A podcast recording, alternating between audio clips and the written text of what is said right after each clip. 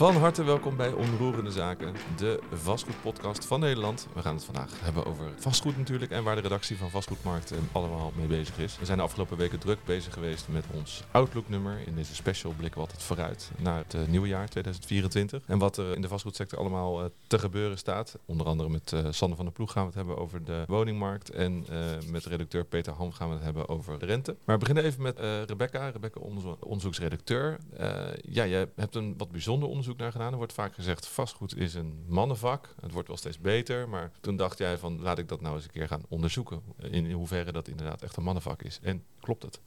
Nou, ik heb vooral gekeken naar de boardrooms. En die zijn voor het grootste deel nog steeds mannelijk. 83% van uh, alle bestuurders in de vastgoedsector is man. Dus ja, je kunt wel zeggen dat het nog steeds echt een uh, door mannen gedomineerde sector is. Maakt het dan nog uit of je een ontwikkelaar of een belegger bent? Of, uh... Dat maakt weinig verschil. Ik heb in het onderzoek heb ik gekeken naar 79 vastgoedbedrijven. Daarbij kijk je naar woningontwikkelaars, adviseurs, private beleggers en institutionele beleggers. En die laatste die brengen het er het beste vanaf. Met 79% mannen tegenover 21% vrouwen. En het minst divers zijn de woningontwikkelaars met 84% mannen tegenover 16% vrouwen. Ja, oké. En uh, heb je enig idee hoe het, uh, hoe het komt? Of heb je dat niet onderzocht? Ik heb niet gekeken naar, naar oorzaken, wel gekeken naar wat diversiteit nou kan brengen. Ja, want, waarom is dit belangrijk eigenlijk? Dat er, uh, waarom doe je dit onderzoek? Nou, in de eerste plaats um, is er natuurlijk een soort maatschappelijke verantwoordelijkheid om diverser te zijn. Diverser als in minder eentonig. Je wil een afspiegeling van de samenleving. Ja, je, natuurlijk wil je een afspiegeling van de samenleving dus maken. Het gaat dan ook niet alleen over vrouwen. Dat heb je niet onderzocht, hè? Hoeveel mensen met een kleurtje of een andere afkomst. Nee, ik heb niet gekeken. Ik heb in dit, dit onderzoek niet gekeken naar, naar mensen van kleur, naar mensen van een andere komaf. Maar die kwam je ook niet veel tegen? Maar die kom je inderdaad ook niet heel veel tegen. Heb jij verklaringen gehoord waarom die boardrooms nog zo uh, ja, door mannen gedomineerd zijn eigenlijk? Uh? Nee, nee, ik heb daar geen uh, verklaringen voor gehoord. Wel van meerdere bedrijven die zeggen, nou we zetten echt in op diversiteit en inclusie, dat vinden we heel belangrijk. Mm -hmm. Maar de minder diverse bedrijven, heb ik uiteraard ook benaderd, die hebben daar vrij weinig over te zeggen. Ik kreeg een reactie van een uh, projectontwikkelaar, waar, het, uh, waar de boardroom bestaat uit vijf mannelijke partners. En uh, die zeiden, ja klopt, wij hebben alleen maar mannen in de top. Heel veel succes met je artikel. En ja. daarmee was de vraag afgedaan. Dus dat speelt daar niet? Het speelt daar minder. Toch een beetje gek, Rebecca, want uit onderzoek blijkt dus dat het gunstig is. Maar ja, de vastgoedmarkt zelf blijkt het dan wat minder interessant te vinden. Daar kan ik ook geen touw aan vastknopen. Want kijk je naar wetenschappelijk onderzoek, bijvoorbeeld van de Harvard Business School, dan blijkt dat bedrijven die echt inzetten op diversiteit, dus die niet simpelweg een diverse groep mensen bij elkaar zetten, ook echt de kennis van hun teamleden benutten, dan blijkt dat zij uh, veel efficiënter zijn in hun bedrijfsvoering. Want die samenwerking dat uh, moedigt werknemers ook aan om kritisch na te denken over hun eigen werkwijze en dat zorgt ook weer voor betere teamdynamiek. Mm -hmm. Daarnaast uh, is er nog onderzoek van Credit Suisse Research en uit hun onderzoek blijkt dat bedrijven met een diverse toplaag vaak beter rendement op eigen vermogen boeken. Ze hebben een veel lagere schuldenlast, uh, maken een betere gemiddelde groei door dan bedrijven met een minder divers bestuur. Dus er is kortom genoeg reden om te investeren in diversiteit. En ja. daarnaast blijkt nog dat bedrijven met een diverse toplaag ook veel hoger scoren op het gebied van corporate social responsibility. Ja. Nou, en dat blijft natuurlijk ook interessant voor de vastgoedsector. Interessant. En ook het rendement, dat zou toch vastgoedpartijen moeten aanspreken. Lijkt mij wel. Oké, okay, dank je Rebecca. En, uh, je blijft het onderzoek herhalen, denk ik. Hè? Dus uh, dan weten, kunnen we ook wat trends gaan ontdekken uh, Absoluut. in de komende jaren. Wellicht Zeker. dat het uh, wat minder mannelijk wordt de komende jaren. Volgens mij kwam je er ook achter, Rebecca, dat er meer Peters zijn dan vrouwen in, in boardrooms. Hè? Dat was ja. andere. Ja. ja, CEO's heten vaker Michiel of Peter of Hans. Ja. Dan dat er überhaupt vrouwen in dan, de boardroom zitten. Dan dat ze vrouw zijn, ja. Ja, je houdt altijd verschil natuurlijk. Gelukkig geldt dat niet voor onze Peter, want die uh, werkt lekker op de redactie en uh, schrijft allerlei interessante stukken. Onder andere over de rente, want we willen natuurlijk, dat is de vraag van uh, het jaar. Het afgelopen jaar heeft de rente heel veel impact gehad. dus de vraag is ook van, ja, wat, wat kunnen we nou een beetje verwachten? En om die vraag te beantwoorden, ben jij weer een beetje in het verleden gaan, gaan graven, hè?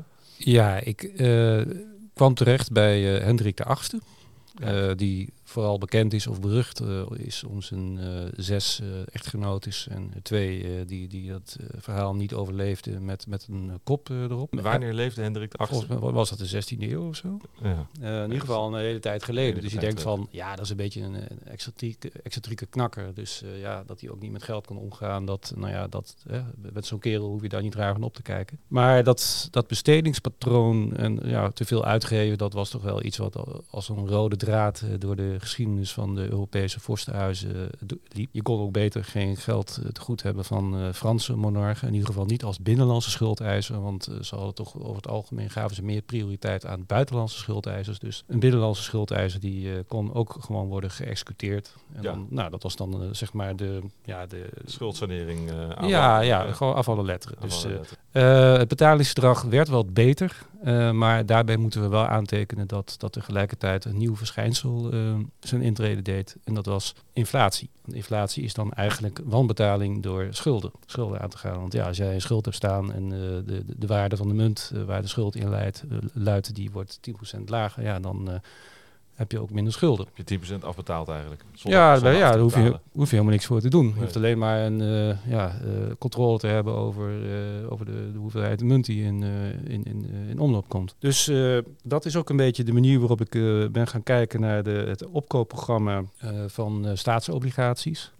want de zuidelijke landen die zaten een jaar of acht geleden ernstig in betalingsproblemen. En we hebben natuurlijk heel veel discussie gehad over de vraag van is dat nou een inflatiebevorderend uh, beleid geweest. En nou, de economen die uh, verschillen daar nog steeds over van mening, maar ik denk dat het wel heeft bijgedragen daaraan.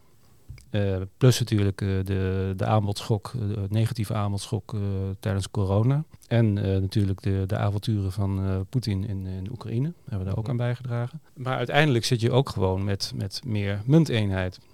Ja. Uh, dus zit je eigenlijk met, als je terugkijkt naar gewoon partijen die te veel geleend hebben. Het effect is nu dat, ze, dat de Europese Centrale Bank en de Fed toch minder genegen zijn om te zeggen, nou, we, we zorgen dat die uh, productie van munteenheid doorgaat. Er moet nu toch uh, pijn worden geleden door, mm door schuldenaren. Dus de, in die zin zijn die centrale banken toch niet zo heel erg coulant als bijvoorbeeld de, de Weimar-republiek is geweest, zeg maar. Ja. En dat ja, dat wordt toch een beetje een vervelende episode.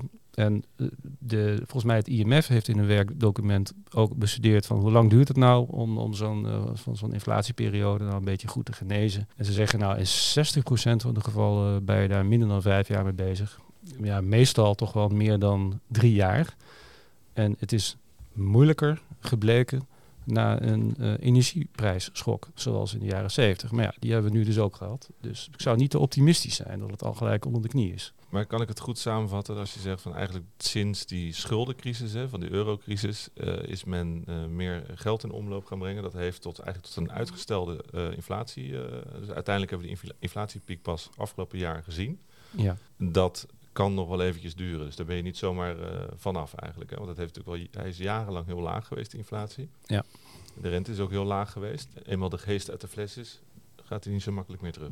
Niet zo snel als dat partijen misschien hopen. Dat duurt toch altijd wel een paar jaar. Je ziet uh, toch dat de, de beurskoers alweer uh, vrolijk omhoog zijn geschoten. Van, uh, ja, daar rekent men dat het achter de rug is. Mm, ja, of dat er in ieder geval het komende jaar al, al een verlaging komt van de rente. Maar dat betekent natuurlijk nog niet dat we uh, teruggaan naar het niveau waar we vandaan komen, als we daar überhaupt nog op terugkomen. En het kan ook zijn uh, dat centrale banken uh, te vroeg het al voor gezien houden. En ja, dan kan er nog een tweede periode komen dat, dat de rente weer omhoog moet. En dat, dat, ja, dat vind je misschien ook niet zo fijn. Dat hangt er natuurlijk een beetje vanaf uh, welke rol je in het economische verkeer uh, vervult. Maar als je stabiliteit wilt, dan kun je misschien beter nu even door de zure appel heen bijten. En dat kan dus zomaar een, uh, een paar jaar duren. Dus ja. de, de vraag, wat gaat de rente doen? Nou, voorlopig niet omlaag. Wel, ja, misschien wel omlaag, maar niet zo hard als dat we allemaal hopen. Er zal best wel een, een, kwartje of zo afgaan, of, of nog wel wat meer. en in Amerika zijn ze al wat verder mee. Maar waar we vandaan komen, dat was natuurlijk een, negatieve rente. Nou, dat zie ik nog even niet gebeuren hoor. Nee, Echt niet. Nee, dat was natuurlijk eigenlijk ook extreem als je daarop uh, op terugdenkt. Ja. Wat betekent dat voor de vastgoedsector? Nou, om te beginnen hebben we nog niet eens alles verwerkt. Mm -hmm. Dus dat, dat, dat heeft al sowieso. Uh, ik denk dat elke verhoging van de rente een soort van doorlooptijd heeft. En dat, dat kan zo anderhalf jaar duren. Ik denk wel dat dit pijn gaat doen. Ja. Waar, uh, waar gaat het pijn doen? Nou, bij beleggers, onder meer. Welke beleggers? Uh, beleggers uh, die met, met veel vreemd vermogen werken. ja, ik, ik, kan me voorstellen dat met institutionele beleggers ligt dat ietsje anders. Maar da daar zit je natuurlijk wel met, met de rente als, als, als een soort van grondslag of referentie voor de waardering van je vastgoed. Maar mm -hmm. die huur die blijft wel binnenkomen. Ja. Tenminste, als de economie, als je al, al, al wat andere gelijk blijft. Maar als jij de aflopende financiering hebt, ja, dan vra vraag het aan, uh, aan meneer Benko van, van. Ja, die, dat is natuurlijk het voorbeeld van een voortwoekerende groei en dan vervolgens een, een, een, een, muur van financieringen die in één keer tegen een hoger tarief gaat. En ja, dat, dat, dat gaat dan niet goed. Nee, want kan je nog even kort uitleggen wat daar, wat daar mis is gegaan? Een ontzettend grote Oostenrijkse vastgoedpartij, hè? Zeker? Nou ja, die, toen, toen ik erin dook, dacht ik eerst van, nou, dat, dat, dat, dat is gewoon uh, Certitudo, maar dan twintig keer zo groot. Gewoon een uh, ongebreidelde groei, weinig checks en balances, geen governance en een, uh, een totaal uh, intransparante bedrijfsstructuur. Want ja, mijn collega Rebecca die had 174 entiteitjes ontdekt bij, bij Certitudo. En bij, bij Signa ja, zijn het er geloof ik ja, duizend of zo. -hmm. Nou baas ja, boven baas. Ja, succes met uitzoeken. Ja, ja, ja, God, dan heb je, heb je een vordering, ja, en dan heeft iemand anders ook nog een vordering. Nou, dan ben je even, even ja, aan het uitzoeken van uh, wie nou eigenlijk de belangrijkste vorderingen heeft. Ja, ja, ja. een groot uh, spinnenweb aan, uh, aan BV's. Ja, ja, ik denk dat dat. en het vervelende is van ja, dit, dit, dit is natuurlijk wel redelijk groot. Dus we hebben iets van 23 miljard aan, aan, vastgoed en dan iets van 13 miljard uit mijn hoofd aan, aan, aan leningen uitstaan. En dit is ook iets waarbij de Europese bank, de Europese Centrale Bank, zoiets had van jongens, zoek nou even uit wat jullie daar uh, aan, aan, die tent hebben geleend. Want uh, dat, ja, misschien moet je toch eens gaan uh, nadenken over afwaarderen. Dit, dit is wel wat groter natuurlijk. Dat gaat nog wel wat impact hebben, dat Signa. Nou ja, kijk, je kunt het op, je kunt het op verschillende manieren kijken. Kijk, als individueel geval is het vervelend. Maar het is natuurlijk ook symptomatisch. je, je kunt je die voorstellen dat je de, in eerste instantie heb je dan ja, uh, relatief uh, kleine faillissementen zoals van Certitudo. Ja, ik, no offense, natuurlijk een miljard is uh, best, best veel, maar, maar in het grote geheel de dingen valt het misschien wel te overzien. Ja. Dit gaat dus nu opschalen naar, naar een, een organisatie met een, met een omvang zoals die van Signa. Maar je kunt je natuurlijk ook voorstellen dat op een bepaald moment ook partijen met een iets minder roekeloos uh, gedrag ook aan de beurt komen. Mm -hmm. Dit zijn natuurlijk de eerste die, die, die, die, naar beneden vallen. Dat je echt denkt van ja, uh, nou, uh, botgesteld, ja, waar was je met je hoofd? Hè? Ja. Uh, en vooral die mensen die, die hun geld via, via Signa belegden. Is er besmettingsgevaar? Mm, nou ja, dat, dat, ja, je hebt bijvoorbeeld Julius Beer heeft geloof ik een behoorlijk bedrag daar, daar uitstaan. Um, en een aantal landesbanken in Duitsland. Ja, god, als, als die die, die zie ik nog niet echt wiebelen omdat ze, dat ze geld hebben uitgeleend aan Signa. Maar het, het, het gaat er meer om van hoe vreed zo'n zo'n zo'n rentestijging zich een weg door het vastgoed. En we zitten dus nu in een fase dat, dat de, de, de entrepreneurs in de problemen komen. En wel steeds grotere entrepreneurs. Maar je kunt je voorstellen dat daar daarachter ook een fase komt met, met wat meer degelijke bedrijven die, ja. die ook moeten herfinancieren. Die ook, ook, moeten gaan herfinancieren. Dus ja, dat is eigenlijk het eh, wat we in de gaten moeten houden de komende ja. tijd. En dat ga je ook voor ons in de gaten houden, Peter. Ja. Dank.